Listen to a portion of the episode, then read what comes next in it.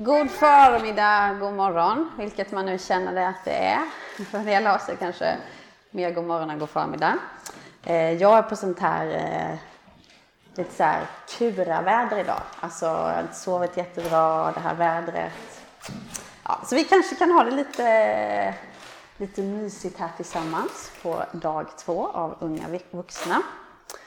Eh, jag tänkte bara sammanfatta lite, påminna oss om vad det är vi håller på med, vad det är vi snackar om, varför vi är här. Då var det ju den här lilla rackaren som var utgångspunkten. Alltså det här med kaninhålskristendomen, grejen med att man tänker att vissa saker här i världen är faktiskt viktigare för Gud än andra. De är mer heliga, de är mer andliga och därför om jag är någon som vill leva för Jesus och bära frukt för honom, vad kommer jag göra? Jag kommer att se till att maxa grejer i mitt liv som är sådana där saker som Gud är intresserad av. Och också att kaninhålskristendom innebär att man tänker att världen utanför kyrkan, världen utanför den kristna sfären, den är ganska dangerous. Eh, det är något som vill ta mig bort från Gud och därför, om jag vill vara en kristen som följer Jesus och bär frukt för honom, vad kommer jag göra om jag kommer försöka undvika den järnet. Och så kan man då liksom end up like a rabbit. Eh, moving from rabbit hole to rabbit hole. Alltså att du lever ditt liv, bor kanske på ett kristet studentrum, hoppar iväg till en föreläsning, sätter dig med dina kristna kursare, hoppar iväg till hemgrupp och sen när du spelar fotboll så gör du självklart det med dina kristna vänner eh, och kanske har en kristen andakt på slutet. Eh, och så snackar vi om så här, ja men är det här bra, är det här smart, behöver det vara så här, ska det vara så här? Och jag sa ju då att eh, nej. Men då kvarstår ju frågan lite, varför inte då? Alltså varför dissar Anna Svan kaninhålskristendomen? Och eh, om, om inte det här är sättet, hur ska vi då leva? Too bad. Eh, nej men det blir frågan hur ska vi leva då? Om jag vill följa Jesus, hur ska jag leva mitt liv? Och det ska vi försöka kika på idag. Eh, vad gjorde vi här nu igen då? Alltså vad var poängen med att ägna så här mycket tid till att lära sig saker om Gud? Var det för att jag bara älskar att ha massa människor som lyssnar på mig? Är det det som är poängen? Eller var poängen att du skulle få liksom ett jättestort huvud och kunna gå runt till de som inte varit här bara kunde inte du, visste inte du det? Vad var poängen med att vara här och lära sig massa saker om Gud? Någon som minns? Älska Gud mer. Jag vet inte hur det var för dig igår, men jag måste säga att för mig ledde gårdagen till att jag faktiskt älskar Gud mer. Louise och Malin, det ni lyfter fram om att Gud håller världen i sina händer. Jag har inte tänkt på det, alltså vad det betyder. Eh, jag blev helt tagen och helt gripen av detta. Därför att vad håller du i dina händer? Men det är grejer du är rädd om, eller hur? Din vigselring, eh, din nya lilla kaninunge eller din nya mobil eller vad det nu är. Eh, och jag hoppas att ni också ska få liksom se sidor av Gud, lära känna honom bättre så att ni kan älska honom mer. För det är hela poängen med att vi är här. Eh, och så sa jag att det vi ska göra är att vi ska nörda in oss i skapelsen för att jag tror att om vi så väl som möjligt ska kunna svara på frågan hur ska jag då leva mitt liv för Gud? Så behöver vi ha access till och koll på hela den kristna storyn. Alltså inte bara mitten med syndafall och försoning och missionsbefallning, utan också koll på början med ska, skapelse och slutet med skapelse. Exakt. Igår tittade vi på skaparen, idag ska vi titta på skapelsen. Eh, och nu ska ni få lite busy. Nu om inte förr kommer ni tvingas att vakna. Eh, det kommer komma upp en lista här med en massa olika grejer. Grejer som kan ingå i människors liv. Och så vill jag att ni snackar två, två, tre och tre och diskuterar vad av de här grejerna som kommer komma upp tänker du är saker som Gud är riktigt intresserad av? Vad av de här grejerna som kommer upp tänker du är någonting som är så proper andligt. Proper holy. Okej? Okay? Eh, yes, Ni kommer få en gedigen lista. Eh, så det är ju bara att, att köra. Ni, ni behöver Ni behöver liksom inte diskutera allt kanske, men eh, vänd er till granne 2, 2, 3 och 3 och eh, fundera på vad av det här är Gud liksom verkligen intresserad av. Eh, Okidoki, amigos. Vi kommer att eh, återkomma till den lista, men nu så vill jag att ni plockar fram era Bibles. Analog eller digital, du väljer själv, men vi alla vet att de analoga är lite bättre. eh, det är också så här roligt, när jag inte har sovit så bra så tappar jag alla mina filter. Jag har inte så mycket filter till att börja med så att, eh, vi får se hur det går här. Jag kanske säger en hel del tokiga saker. Eh, första Mosebok 1 ska ni få läsa till eh, kapitel 2, vers 4 och fundera på okej, okay, vad lär vi oss om världen från de här, det här kapitlet? Vilka fraser återkommer och varför gör de det, tror du? Vad lär vi oss om människan och hennes relation till Gud, världen och varandra? De här frågorna går ju uppenbarligen rätt mycket in i varandra, så ni behöver inte tänka först tar vi den första och sen tar vi den andra, utan ta dem liksom som det känns naturligt. Eh, men vi tar en stund, eh, läs de här eh, två, två eller tre och tre och bara fundera på okej, okay, vad lär vi oss om världen? Vilka fraser återkommer? Varför? Och får vi reda på någonting om människan och vår relation till Gud, skapelsen och varandra. Så att, eh, please. Okej hörni, jag eh, avbryter er där. Vad lär vi oss om världen i det här kapitlet? Ja, men en sak som vi lär oss, som vi också lärde oss igår, det är att det är Gud som ligger bakom den här världen, eller hur? Det är Gud som skapar. Och att Gud gör det väldigt uppstyrt också. Alltså Gud spyr liksom inte ut allting på en gång, eller man ska säga bara brö. Eh, utan Gud är sjukt organiserad, eller hur? Ja, men nu gör vi det här och sen gör vi det här och sen gör vi det här. Och man, det är liksom det är tydliga avslut och liksom saker checkas av och det bockas av. Så Gud skapar den här världen, han gör det väldigt organiserat, han gör det väldigt uppstyrt. Gud är den som fyller den här världen med liv, med eh, växter och med undulater och med Henning till exempel. Eh, vilka fraser återkommer? Hittade ni någon sån? En fras som återkommer är ju, och Gud såg att det var gott, eller hur? Det går som någon slags så här bit typ genom hela eh, skapelseberättelsen. Och Gud såg att det var gott, och Gud såg att det var gott. Och sen säger Gud att det var mycket gott. När gör han det? Precis, när människan är på plats i den här skapelsen. Eh, skapar Gud någonting som han säger efteråt att oj då, det här blev inte jättebra. Hittar ni något sånt? Nej, jag har inte heller gjort det faktiskt. Eh, utan efter allting som Gud skapar så säger Gud att det är gott. Alltså Bibeln gör en jättestor grej av att Gud gillar sin skapelse. Det är nästan tjatar, eller hur? Och Gud såg att det var gott, och Gud såg att det var gott. Alltså skapelsen är inget fult, inget dåligt. Gud har skapat med syfte och mening och han har sagt om skapelsen I like this. Och när människan är på plats så är det till och med liksom mycket gott. Så Bibeln gör en stor sak av att Gud faktiskt gillar sin skapelse. Och människan då? Eh, vi skapade till Guds avbild. Man kan säga extremt mycket om det. Men en sak som det innebär att vi är skapade för att känna Gud och för att leva i relation med honom. Och det har ni kanske hört cirka 10 000 gånger. Men vilken typ av relation med Gud har då? Kan man ju undra. Om vi läser lite till så ser vi att Gud var ute med Adam och Eva på kvällspromenader. Alltså Gud vill lära känna dig, Gud vill ha en relation med dig. Men han vill liksom inte ha any old kind of relationship. Han vill inte liksom ha den relation med dig som en slavägare har till sin slav. En slavägare går inte på kvällspromenad med sin slav, eller hur? En chef går inte på kvällspromenad med sin anställde. Då börjar man undra om det är man och kvinna, bara är det något på gång eller? Annars gör man inte det.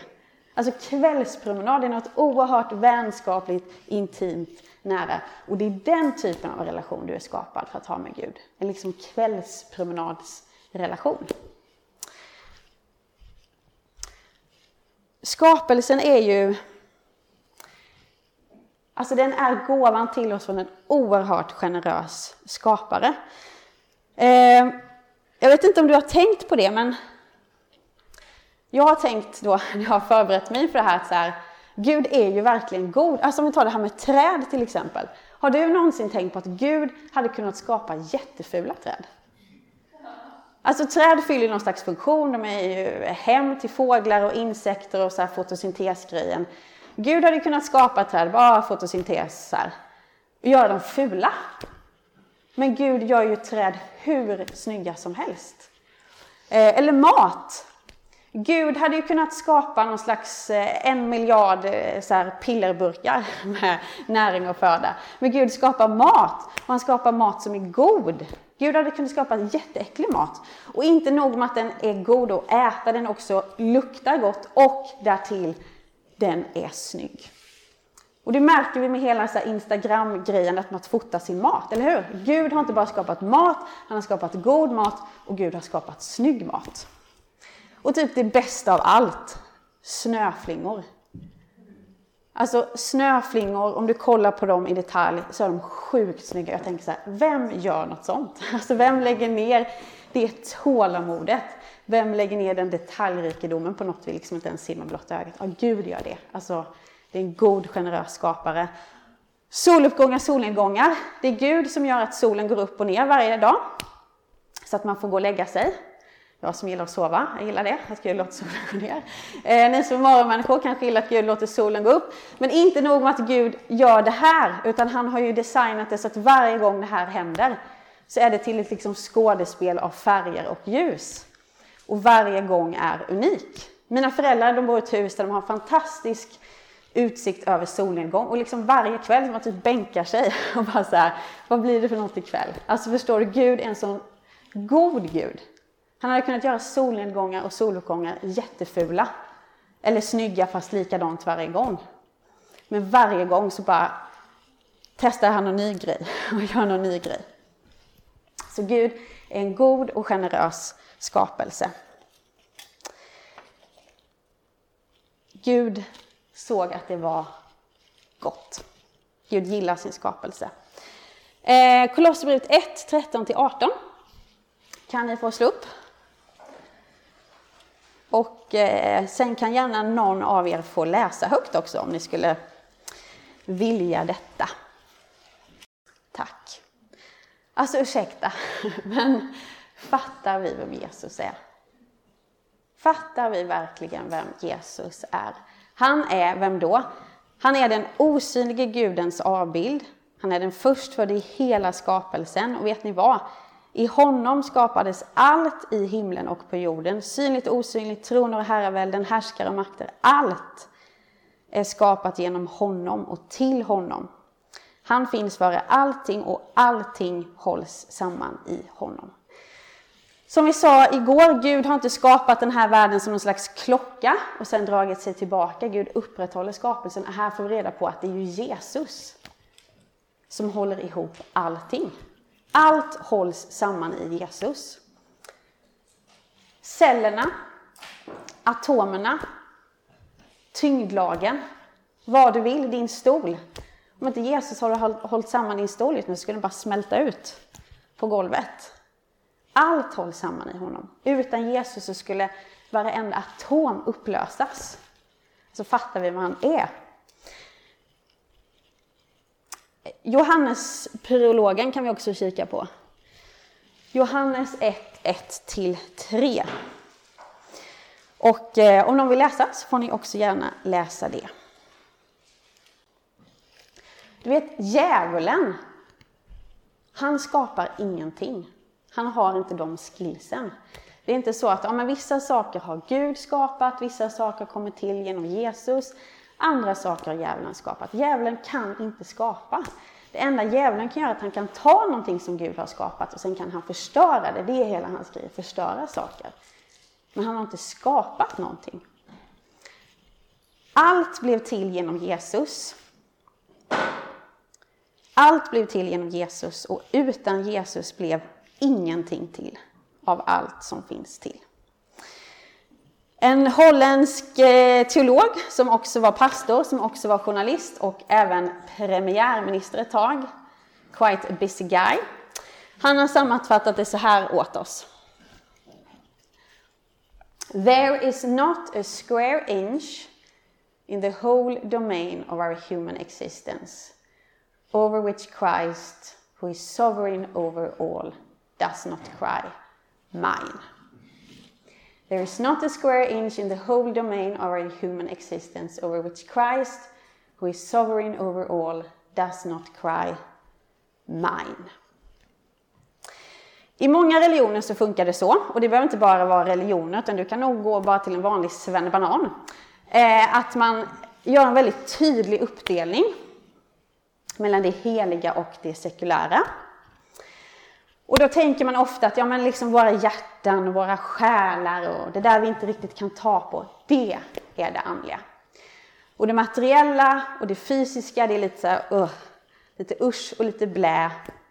Och någonting som bara kommer vara i vägen för dig om du vill vara andlig. Alltså det fysiska och materiella ses som ett hinder för det som är andligt. Och vad gör man då om man vill vara en andlig person? Ja, men du kommer typ sätta dig ute i öknen och sluta äta och eh, inte ha några vänner och bara känna, yeah, andlig. Alltså gudarna i andra religioner, de pekar på typ hjärta och själ och mjuka saker och säger mitt. Eh, det finns inga andra gudar, men ni fattar bilden. Men de här andra gudarna, de pekar inte typ på mode och bilar och film och mat och Pythagoras sats och säger mitt. De pekar bara på det andliga. Hjärta, själar, fluffeluff. Så det är ju någonting ganska liksom, anmärkningsvärt när Bibeln kommer och säger att Gud är skapare av himmel och jord. Och Gud har sagt om allt i sin skapelse, det där är gott. Det är något otroligt egentligen när vi får reda på att allt är skapat genom Jesus. Och allt är skapat till Jesus. Att det finns inte en tum av universum, det finns inte en kvadratmillimeter som inte Jesus kan peka på och säga, ja men det där är mitt. Allt är skapat genom honom och till honom. Det här själsliga, andliga, hjärtat, fluff, ja, det är skapat av honom, det tillhör honom. Men också spagetti och köttfärssås och innebandy och konst. Jesus pekar på allt och säger, ja men det där är mitt, jag har gjort det. Eh, det är till för mig och det är jag som uppehåller det. Ja, vad härligt Anna med din nya tröja. Den är min. Den finns till genom mig, den finns till för mig. Det är jag som håller ihop den. Om inte jag höll ihop din tröja skulle den bara, brr, liksom, att ramarna smälta iväg. Ingen tröja. Så att början av vår story, den säger ju att det fysiska, det materiella, det är ingenting usch och fy och blä. Utan det är någonting gott som har med Gud att göra. Alltså, Jesus han är herre över kyrkan. Ja, det är han. Men han är också herre över allting annat. Han är herre över kyrkan, men han är också herre över allting annat. För han är faktiskt herrars herre och kungars kung. Han är kung över kyrkan, men han är också kung över allting annat. För det finns till genom honom, det finns till för honom och det är han som håller ihop det.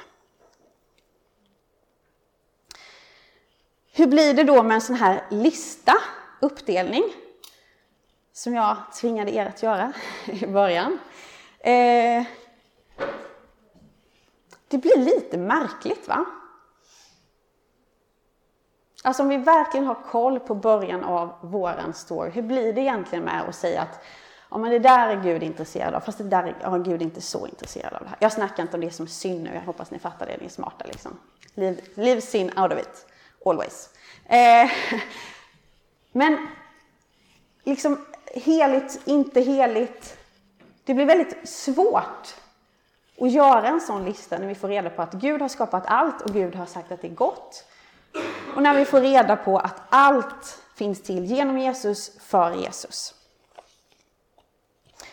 Alltså den Gud vi tillber och älskar, han är skapare av hela skapelsen. Det vill säga Gud är skapare av franska verb. Han är också skapare av bibelöversättning. Han är skapare över eh, mobiltelefoner, teknik, fysik, allt sånt. Man är också skapare av själavård. Han är herrars herre och kungars kung. Och för att allting tillhör våran kung så tillhör också allting oss. För vår kung är kung över allt. Vår kung är inte bara kung över en liten del, utan vår kung är kung över allt i skapelsen. Och därför tillhör allting oss. Så att om du jobbar på ditt bank, en bank, ditt bank, om du jobbar på en bank i hela ditt liv, så är det liksom ingen waste of time. det är inte som att Gud tänker så åh nej, varför kunde du inte åkt till en djungel och översatt Bibeln istället? Du har slösat bort hela ditt liv. Tråkigt. Du slösar inte bort ditt liv om du jobbar på bank, för att hela skapelsen tillhör Gud och Gud är intresserad av allt i skapelsen. Det är inte så att om du pluggar liksom någonting som är teologi, så tycker Gud att du är lite sämre än de som pluggar teologi. För det där som du pluggar, men Gud har ju skapat det också. Och han har sagt att det är gott. Om du väljer att ligga kvar och sova på morgonen istället för att gå på morgonmässan, så är du inte mindre andlig än de som går dit. Ja, varför inte då? Nej, men för att vem har uppfunnit sömn? Och gjort det så skönt att sova? Vem har uppfunnit sängar, kuddar, täcken, tak? Du är ju bara och njuter av en annan underbar del av skapelsen. Alltså självklart är det viktigt att läsa Bibeln, självklart är det viktigt att fira mässa, självklart är det viktigt att ha kristna kompisar. Alltså allt sånt, det är klart att det är viktigt, men min poäng är bara att det är inte allt som är viktigt. Därför att vår Gud är Gud över hela skapelsen. Vår Jesus är liksom Herre och kung över allt. Han pekar på allt och bara, men det där är mitt.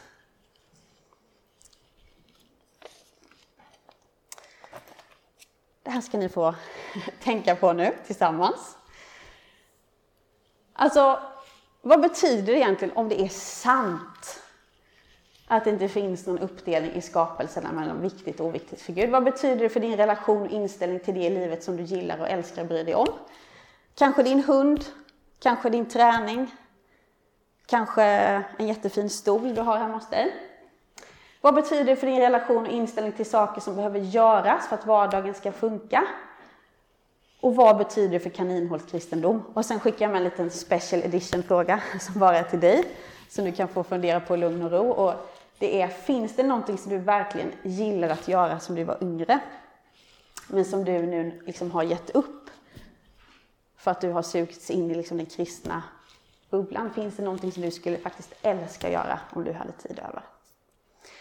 Så vi tar en stund när ni får fundera på de här grejerna. Om det verkligen är sant att Jesus är skapare av osynligt och synligt, andligt, materiellt, rubbet. Vad innebär det för våra liv? Eh, ja hörni, jag vet inte hur ni känner men jag behöver lite kaffe nu. Eh, vi ska fika och eh, se det som ett tillfälle då att börja praktisera det här. Att varför finns det kaffe? Tack vare Jesus. Det är någonting gott. Njut av det, vänskap.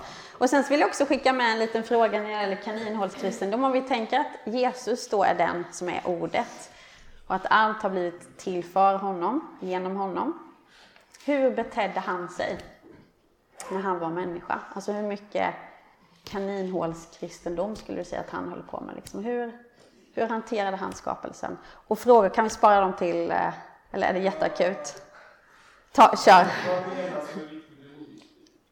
Nej men alltså det som på något vis Gud är mer intresserad av än annat. Alltså, så... Intresserad som är att han bryr sig om vad jag gör eller som att det är rätt eller gott? Som att det är rätt eller gott. Som att han bryr sig om det eller inte bryr sig om det. Som att eh, Gud... Eh... Det är riktigt samma sak. Och så, om man säger så att det är viktigt att jobba på bank, då implicerar det att det är det rätta att göra.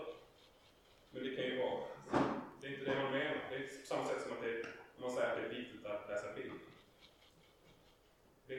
Alltså, eller menar man att det ska likställas? Att jobba på bank och att läsa Bibeln och gå på Alltså jag menar att, eh, jag tror verkligen att eh, hela skapelsen tillhör oss. Jag tror att vi ska läsa Bibeln, jag tror att vi ska be, jag tror att det är superviktigt. Speciellt om vi vill lära känna Gud. Men jag tror också att det är viktigt att vi tar hand om skapelsen och lever i skapelsen. Jag kommer prata, jag tror att en del av det här kanske kommer svaras på i nästa pass. Ja. Vad, liksom, vad ligger bakom viktigt och oviktigt? Ja. Alltså, vad är det, alltså är det som att det är rätt fel eller är det som är intressant, ointressant? Liksom? Ja men precis, eh, jag ska säga att jag hänger inte riktigt med på, på liksom den distinktion som du eh, gör. Jag, jag hänger inte riktigt med där. Men eh, jag tror att jag tänker nog mer alltså intressant, intressant men också Gör jag någonting dåligt när jag jobbar på bank, alltså gör jag någonting oandligt, gör jag någonting oheligt. Sen så kan vi såklart börja diskutera om hur beter jag mig på den här banken, vad tar jag för beslut, vad driver mig, eh, vad har jag för relation till mitt arbete, allt sånt. Men liksom själva grejen i sig, är det så att om du är kristen och inte jobbar i ELU, håller du på med någonting liksom mindre viktigt? Nej, så, så det är liksom det jag vill, ja precis. Men Jesus säger också till Marta liksom att eh, du arbetar Precis. Så han gör ju någon sorts distinktion där mellan vad som är gott och vad som är nödvändigt. Precis, vad som är gott och vad som är ultimat gott. Och det kommer vi, vi kommer komma in på det här eh, efter fikat. Så jag hoppas att du kan få, och vi alla kan få tänka mer. För det finns absolut mer att säga. Och bara hur vi ska förhålla oss till det och finns det missbruk och sådär. Eh, men som sagt, börja praktisera. Njut av fikastunden och fundera gärna också på han som har skapat allt, hur betedde han sig när han levde här? Och så ses vi eh, 11 och 20 igen. Yes! Are you ready for some more? Yeah. Ja, så bra. Ska bara få på mig den här lilla mackapären. Utan att håret fastnar. Okej, okay. vi har pratat om det här som en eh,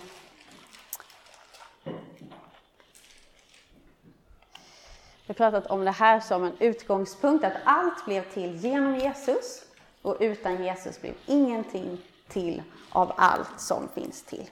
Och jag tror att det generellt är ju inte helt eh, enkelt och lätt att förstå hur man som kristen egentligen ska förhålla sig till den här världen och till skapelsen. Jag tror att vi lätt kan hamna i olika diken.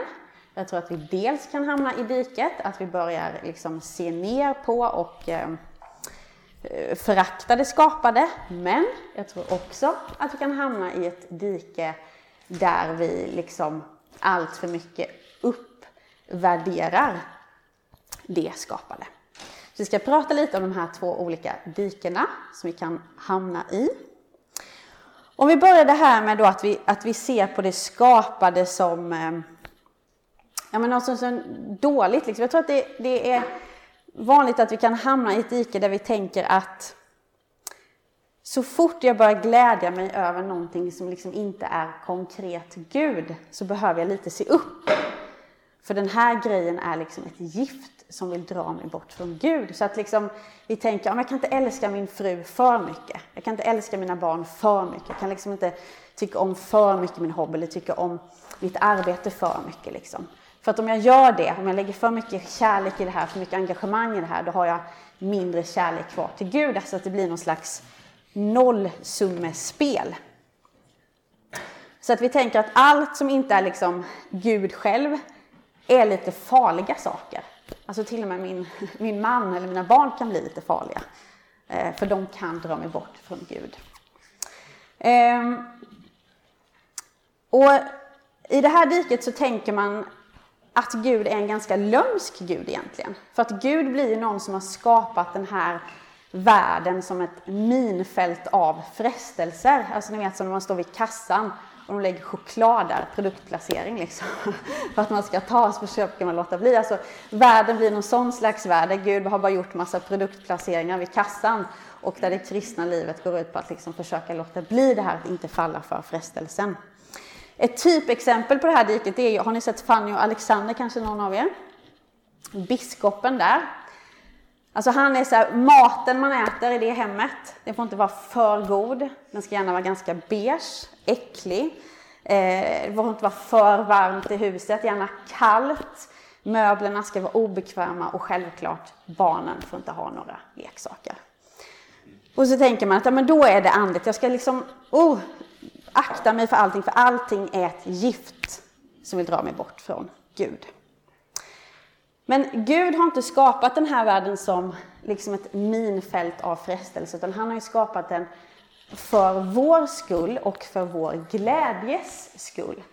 Alltså Gud har skapat det goda liksom för att säga varsågod, enjoy. Jag tänker mig skapelsen lite, kanske lite barnsligt, men jag tänker mig skapelsen lite som att du har världens bästa pappa som bara tok älskar sina barn. Och så gör han så här drömrummet till dem. Han sätter kanske upp en ribbstol på väggen, han eh, lägger dit massa kuddar, han skapar massa pysselstationen, byggklossar, eh, dockskåp, vad du vill. Alltså de här barnen, om de ska ära sin pappa, hur gör de det? Gör de det om de sitter i ett hörn och liksom inte rör grejerna eller att de klättrar på ribbstolen fast de klättrar bara två steg. Eller de pysslar fast de pysslar inte för länge, de pysslar ganska fult. Liksom. De vågar inte... Eller ärar de sin pappa genom att han hör genom dörren hur de bara tjuter av skratt för att de har klättrat högst upp på ribbstolen och bara Woo! Eh, Eller han kommer in och ser att de har byggt världens mysigaste koja av de här kuddarna. Eller pysslat världens härligaste grej. Eh, och vad kommer väcka deras kärlek till pappan? Är det att de liksom eh, håller sig undan och är rädda för allting i rummet? Eller kan det kanske faktiskt vara så att kärleken kan växa när de börjar använda de här grejerna och ser bara åh, vår pappa måste vara helt fantastisk. Har du sett den här kudden? Har du sett vinkeln på den här kudden? Har du sett att man kan använda den så här när man bygger? Eller har du sett den här saxen? Världens bästa sax. Um, jag blev lite gripen själv häromveckan. Jag har en trädgård och planterade i våras luktärtor som nu blommar och jag plockade in dem. Och så satt jag bara och tittade på mina luktärtor och, och luktade på dem och blev helt typ gripen över Gud. Det bara så här, det är en Gud som har kommit på luktärtor, kommit på hur de ser ut och kommit på hur de luktar. måste vara fantastiska. Alltså det, det väckte eh, en fascination hos mig och till Gud. Eh, så att, lite så liksom, tänker jag om världen, att Gud har skapat den här för vår skull, enjoy. Eh, och jag tror att vi ärar honom när vi undersöker allt det härliga rummet och glädjer oss över det.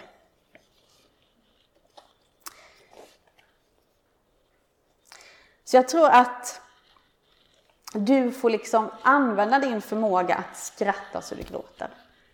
Eller du kanske har en förmåga att få andra att skratta som de gråter. Använd den. Använd din förmåga att bli gripen och berörd av, av vacker musik. Och när du kanske sätter en fotboll rakt upp i krysset, njut av det. Enjoy. Då kommer ju frågan, betyder det här då att vi ska leva för njutning? Är det det som är grejen för oss kristna? Att vi ska leva för njutning. Jag tror så här att, vi, att det inte är ett nollsummespel. Jag tror att du kan älska din fru jättemycket, att du kan älska dina barn jättemycket och att du kan älska Jesus också jättemycket. Jag tror att du kan älska matte jättemycket och jag tror att du kan älska Jesus jättemycket. Jag tror inte det finns någon tävling eller nollsummespel. Men det blir ett problem när du och jag börjar tillbe presenterna vi har fått av Gud. Då blir det ett problem. Alltså problemet är inte att vi använder sakerna i skapelsen. Problemet är inte att vi klättrar på ribbstolarna eller bygger en koja. Det är inte problemet. Problemet är när vi felanvänder Guds goda gåvor i skapelsen. Alltså problemet blir när du blir mer fascinerad över ribbstolen än av din pappa som har gett dig ribbstolen. Alltså problemet är när vi börjar bete oss som att de goda grejer vi har fått av Gud är Gud. Gud är det vackraste, det skönaste, den smartaste, det mest goda, det mest tillfredsställande, liksom det mest av allt positivt som du någonsin kan uppleva. Alltså Gud är det ultimata av allt ultimat. Problemet blir när vi börjar tänka att det är något annat som är det ultimata. Alltså som sagt att ja, pappa har gett oss en bilbana. när vi tänker att det är det som är det ultimata. Ta inte min bilbana ifrån mig, då kan jag inte vara glad längre. Det är det som blir problemet. Vi kan kolla Romarbrevet 1, 22 till 23. Och eh, det här är liksom eh, en analys på mänskligheten kan man säga. De ville gälla för visa men blev till dårar. Alltså idioter, puckon. Eh, de bytte ut den oförgängliga Gudens härlighet mot bilder av förgängliga människor, av fåglar, fyrfota djur och kräldjur. Gud har gett oss goda gåvor. Människor är ju en god gåva från Gud, eller hur? Typ sin familj, släkt, god gåva från Gud. Gud gillar det. Fåglar, en god gåva från Gud. Själv älskar jag koltrastar, du kanske har någon annan favoritfågel. Eh, kräldjur, havssköldpaddor, god gåva från Gud. Fyrfota djur, hundar, katter, god gåva från djur. Alltså allt det här är bra grejer. Men det som har hänt här är att människorna tror att det är det här som är det mesta och bästa i livet. Att det är det här som är meningen, att det är det här som är det ultimata. Man börjar tänka typ, ja men min familj, eller min hund, eller naturen, det är liksom det bästa. De bytte ut den oförgängliga Gudens härlighet mot bilder av förgängliga människor, av fåglar, fyrfota djur och kräldjur. Jag tycker det är väldigt lätt själv att hamna i det här diket, alltså att hamna i att det skapade blir det ultimata. Att det blir liksom det största och bästa. Så att Gud blir inte längre målet med mitt liv, utan någonting Gud kan ge mig blir målet med mitt liv. Kanske att jag kommer in på en viss utbildning, kanske att jag får en fet lön, kanske att jag hittar någon att gifta mig med, kanske att jag får en väldigt deffad kropp. Um, alltså att jag bara tänker att liksom, det är målet för mitt liv, det är det ultimata. Och så har jag min religion och min tro, min relation med Gud lite som eh, någon slags eh, genväg till att få de här grejerna. Alltså Gud blir inte målet i mitt liv, utan Gud blir medel i mitt liv. Så jag går i kyrkan och jag utevangeliserar och jag eh, undervisar. Men jag gör det kanske inte först och främst för att jag så fruktansvärt gärna vill ha Gud. Utan jag gör det för att ja, jag vill väldigt gärna komma in på den här utbildningen. Och om jag gör de här grejerna för Gud så perfekt. Gud blir ett medel. Inte så att man går runt och tänker så här medvetet att nu ska jag evangelisera så att jag får en ny cykel. Eh, jag tror att det liksom väldigt ofta är omedvetet. Men det visar sig, det avslöjas att det är så man har tänkt den dagen du inte får det du vill ha. Och reagera med att bli jättearg på Gud och säga till Gud att jag vet inte vad jag ska tro på dig. Jag får ju ändå inte det jag vill ha. Jag ville väldigt gärna gifta mig med, eh, med min man som jag nu är gift med, Erik. Eh, det tog ett litet tag innan vi blev gifta. Och jag var väldigt arg på Gud rätt länge. Alltså vet så här, jag pluggade teologi. Och, eh, och ändå så blev det inget av det här eh, just då. Men då sa Gud till mig så här, Anna, liksom, kommer du tro på mig? Kommer du fortsätta följa mig även om du aldrig skulle gifta dig med Erik? Alltså vill du ha mig? Eller vill du ha grejerna som du kan få mig? Eh, också för några år sedan så var det någonting som jag ville ha av Gud som jag inte fick. Och då tänkte jag så här att nu ska jag vara vis och balanserad. Så att jag ska inte fokusera på det som jag inte får av Gud. Utan jag ska fokusera på det som Gud har gett mig och vara tacksam för det. Eh, så gick jag över Stortorget i Lund. Jag gjorde en lista, bara, jag har fått en fantastisk lägenhet, jättefin, bra läge. Jag har ju fått Erik då, eh, vänner, härligt jobb och listade massa saker.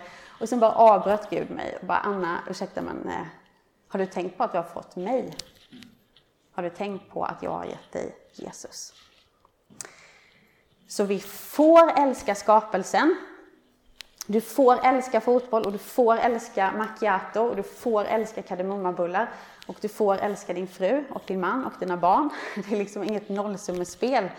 Men problemet är när vi börjar tänka till det som är liksom grejernas grej. Att vi börjar tänka att det är det som är det ultimata. När Vi börjar tillbe de här grejerna. Och jag skulle vilja skicka med tre frågor som jag tänker kan vara en liten hjälp för oss att se, men hur ligger det egentligen till? Börjar jag liksom bli lite för fascinerad av den här liksom bilbanan? Börjar bilbanan bli viktigare för mig än den gode fader som har gett mig bilbanan? Så om du tar fem sekunder, bara gå igenom i ditt huvud, bara, ah, vad är det jag, som, vad jag uppskattar mest och gillar mest? Vad ser du framför dig? Det som är dina liksom, favorite things i skapelsen.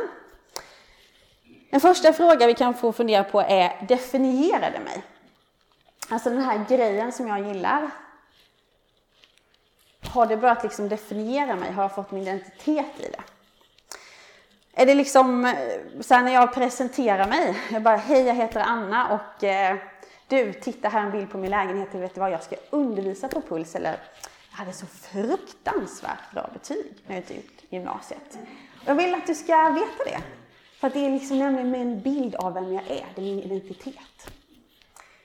Så det här som du uppskattar och tycker om, den här goda gåvan som vi har fått från Gud, som Gud kan ge oss, definierar det dig. För det andra, blir din längtan efter tillfredsställelse någonsin mättad eller behöver du alltid ha mer? Den här frågan är på sätt och vis lite lurig, för att på den här sidan evigheten så kommer vi aldrig bli helt tillfredsställda. För de goda gåvor vi får av Gud på den här sidan evigheten är liksom bara ett eko av det vi kommer få sen. Så vi kommer aldrig bli helt tillfredsställda. Men jag tror att för den person, för den kristne som verkligen har sin identitet i Kristus, som har honom som sin Gud på riktigt, så finns det en tillfredsställelse som gör att jag kan vara förnöjd och som gör att jag inte hela, hela tiden behöver ha mer och mer och mer och mer. Så det kan vi också få fundera på. Blir min längtan efter tillfredsställelse någonsin mättad eller behöver jag hela tiden ha mer? Och för det tredje, eh, den frågan som Gud då ställde lite till mig när jag var arg på honom för Erik-grejen. Kan du tänka dig ett liv utan det? Alltså om det här som du älskar, om, om det skulle tas ifrån dig, vad blir då kvar? Om du till exempel satsar på en fotbollskarriär, om du blir skadad och får lägga fotbollsskorna på hyllan, eller du kanske blir sjuk och inte kan eh, slutföra din drömutbildning, eller du kanske måste sluta ditt jobb, eller du kanske måste flytta långt från alla dina vänner. Eller du kanske aldrig resten av ditt liv får ha på dig en riktigt snygg och välsittande tröja och gå till en så här bra frisör. Vad den är som du älskar, kan du tänka dig att leva utan det? För det är så ibland att även om skapelsen är god, Gud har gett den till oss, han bara, här har ni kuddrum och rivstol och enjoy, så är det så ibland att Gud kan kalla oss till saker där vi också behöver ge upp de här grejerna. Till exempel kanske för att människor behöver höra om Jesus. Då kallar inte Gud oss till att ge upp de här grejerna för att de är dåliga, men för att det finns en oerhörd nöd och en brådska i att människor ska få höra om Jesus. Om Gud kallar dig till det, skulle vi klara av det? Eller är det liksom inte, inte utan mitt kompisgäng? Kan du tänka dig ett liv utan det? Och eh, jag tycker personligen att de här frågorna är ganska jobbiga att ställa. Om man svarar ärligt på dem och mitt i allt det här av att vi inte klarar av att tillbe Gud som Gud förtjänar så finns det ändå goda nyheter i form av att det finns en som är vän till oss syndare, nämligen Jesus. Jesus är till för sådana som du och jag, som inte klarar av att tillbe Gud som Gud förtjänar, utan blir mer imponerade av hunden än av den som gett, som gett oss hunden. Så vi får fly till Jesus och vi får be honom förbarma sig över oss. Så njut, gläd dig, enjoya över Guds goda skapelse. Men använd dem inte heller som en ursäkt för att synda. Gud har till exempel skapat choklad, han har skapat smågodis, lösgodis, vad du vill. Och det är någonting som du och jag får liksom äta och, och, och njuta av och glädjas över. Men vi kan ju liksom inte använda det som en ursäkt till att vara hemma och äta godis hela dagarna. Eller ditt arbete eller vad det nu än är.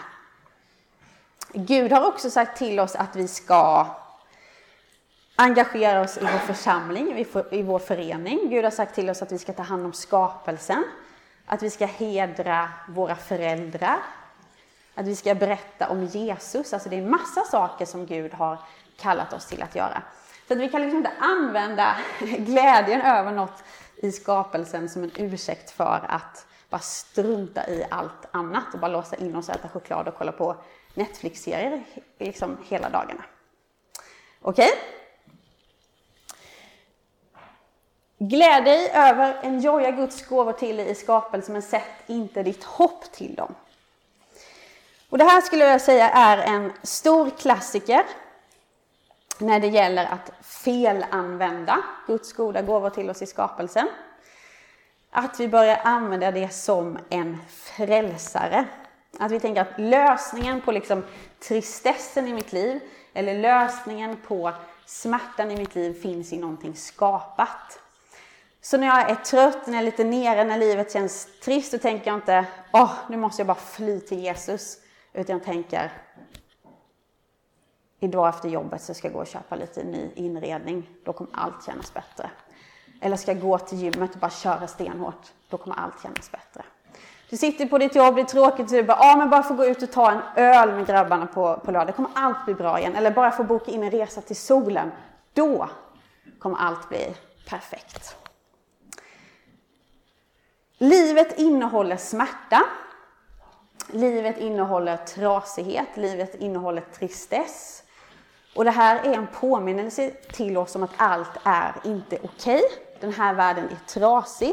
Det är en påminnelse till oss om att vi behöver en frälsare. Vi behöver någon som räddar oss. Grejen är bara att ingenting av det skapade kan rädda dig.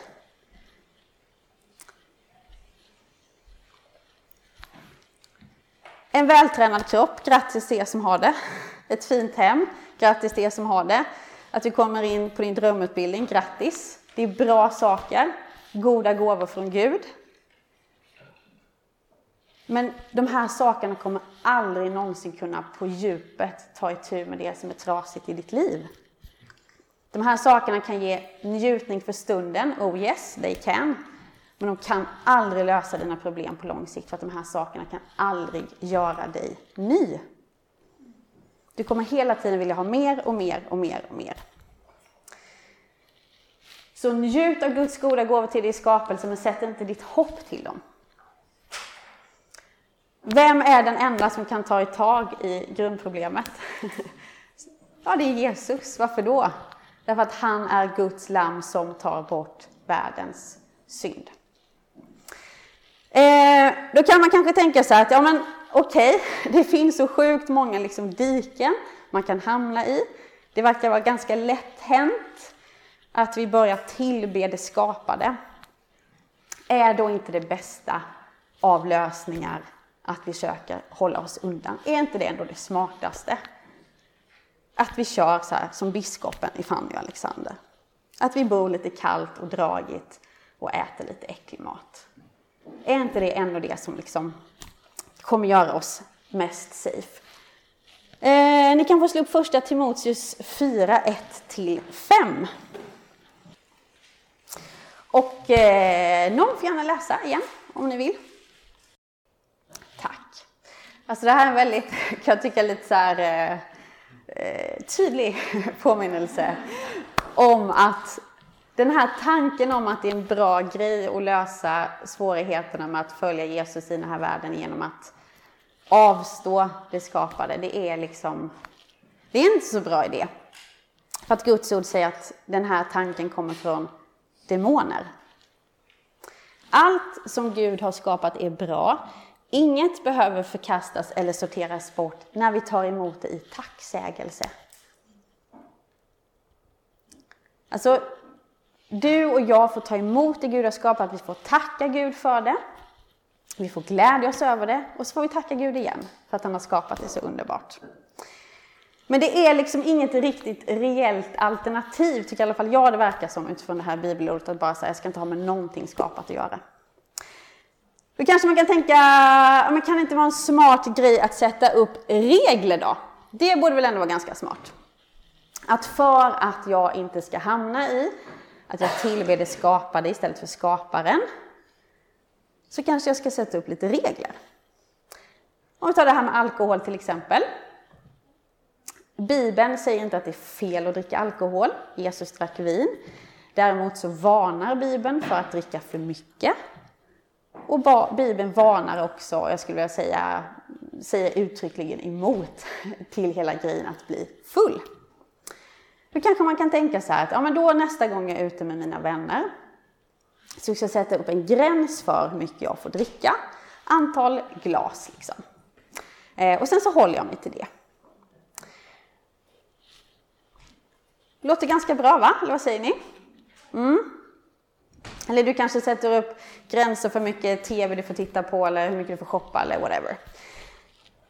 En grej som väldigt lätt händer när vi sätter upp våra egna regler, det är att det leder till att vi börjar tillbe oss själva och vår egen förmåga. För om jag kommer hem från den där utekvällen och jag har hållit mig till exakt den mängd alkohol som jag sagt att jag får dricka, vad kommer jag tänka, vad kommer jag känna? Jag kommer känna bara, Anna Svan, du är så fruktansvärt bra. Du är typ Lunds, kanske Skånes bästa kristna. Alltså, regler vi sätter upp för oss själva kan lätt hamna i att istället för att hoppas på Jesus så börjar jag hoppas på mig själv och min förmåga att hålla mig till mina regler. Istället för att tro på Jesus, hans förmåga, hans rättfärdighet, så börjar jag tro på mig, min förmåga och min rättfärdighet. Eller så kanske man då kommer hem och har misslyckats. Vad känner man då? Ja, man mår pyton bara, åh, jag drack för mycket igen. Jag är så dålig. Och jag tror att en sak som väldigt ofta händer när vi själva eller andra kristna sätter upp regler för oss, det är att glädjen i tron försvinner. Alltså för att jag är där och egentligen vill jag ju liksom dricka mer än vad min regel säger. Jag vill bli full. Och då kommer jag bara, åh, gå där, åh, vad jobbigt det här är och det är så hemskt att vara kristen, tråkigt att vara kristen. Alltså, regler, min poäng är att egna regler som vi sätter upp är liksom kanske inte det som kommer lösa våra problem djupast sett. En annan grej som är lite problematisk med regler vi sätter upp det är att de har inte förmågan att göra någonting åt vad vi egentligen vill. Alltså, jag kommer fortfarande vilja det jag ville innan. Jag kommer ha mina regler. Jag kanske kommer följa dem.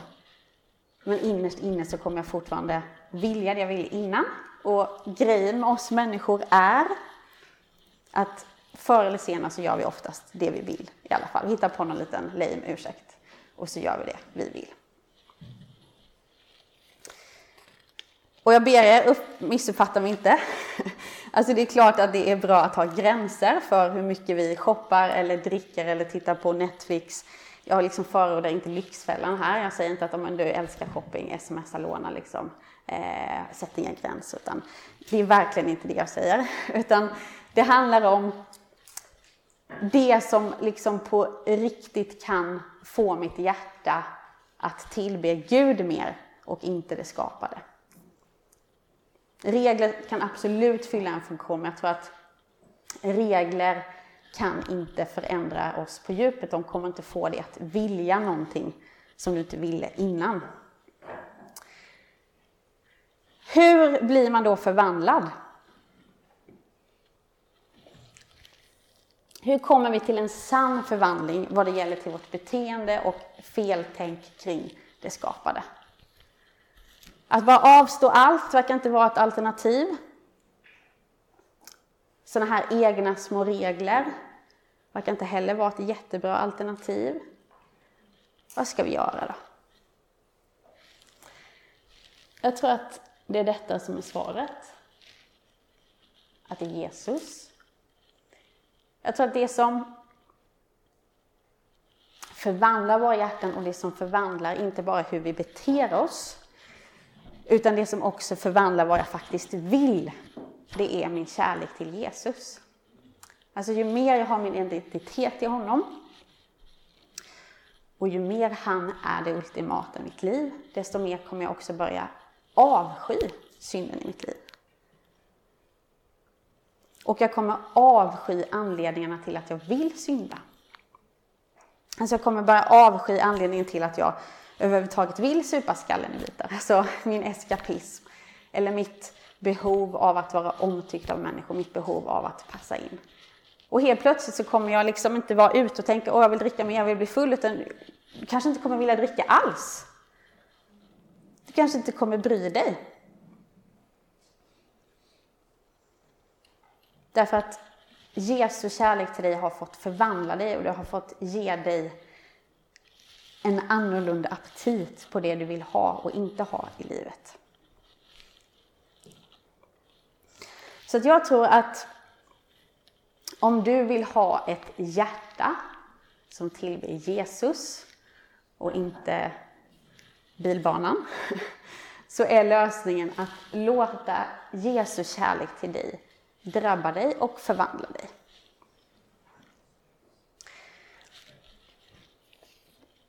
Hur gör man det då? Ja, öppna din bibel och läs om Jesus. Alltså läs din bibel. Öppna din bibel och läs om Jesus. Inte för att det är en regel, utan det är för att det är en möjlighet för dig att lära känna Jesus bättre och älska honom mer. Fira gudstjänst. Inte för att det är en regel, utan för att det är en möjlighet för dig att få lära känna Jesus bättre och älska honom mer. Träffa dina kristna kompisar, sätt er tillsammans och bara undersök höjden och längden och djupet och bredden av Guds kärlek till er. Alltså, se Guds lam. Ta tid att verkligen se på Jesus. Och hans kärlek till dig är till sitt max manifesterat när han hänger för dig på korset. Och Gud är liksom inte... Gud är ingen sån här Gud som gillar att spela svår, som gillar att spela mystisk. Eh, utan Gud är en Gud som vill visa vem han är, som längtar efter att visa vem han är. Han vill inte spela svår, han vill inte spela mystisk, utan tvärtom. Gud längtar efter att få uppvakta dig och uppvakta ditt hjärta. Och du blir uppvaktad. Du har möjlighet och potential för uppvaktning när du läser din bibel, när du går i kyrkan, är med din kristna familj, när du firar nattvard, när du ber fyra ben har vi lärt oss i konfan. När man är 15 kanske man tycker tråkigt, torrt, hur kan det bli något av det? Det är världens bästa tips.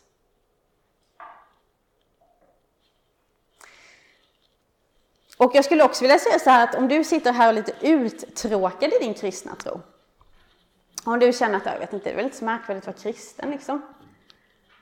Då har jag en fråga till dig och det är frågan, när lärde du dig senast något nytt om Jesus? När lärde du dig senast något nytt om Jesus? För det är ju mer vi lär känna Gud, mer av hans skönhet, mer av hans härlighet, mer av hans godhet, mer av hans storhet, mer av hans makt, som vi också älskar honom. Så är det så att du sitter här och tycker att ganska tråkigt att vara kristen, vad är det för märkvärdigt med Jesus?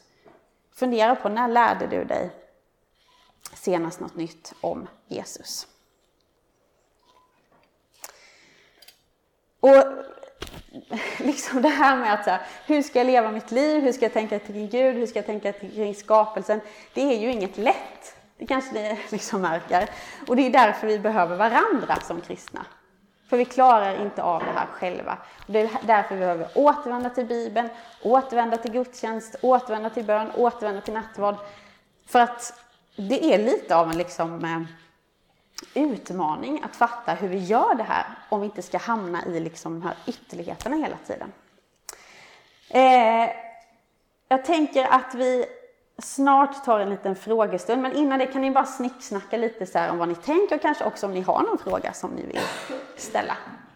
Bara reflektera kring det ni har hört.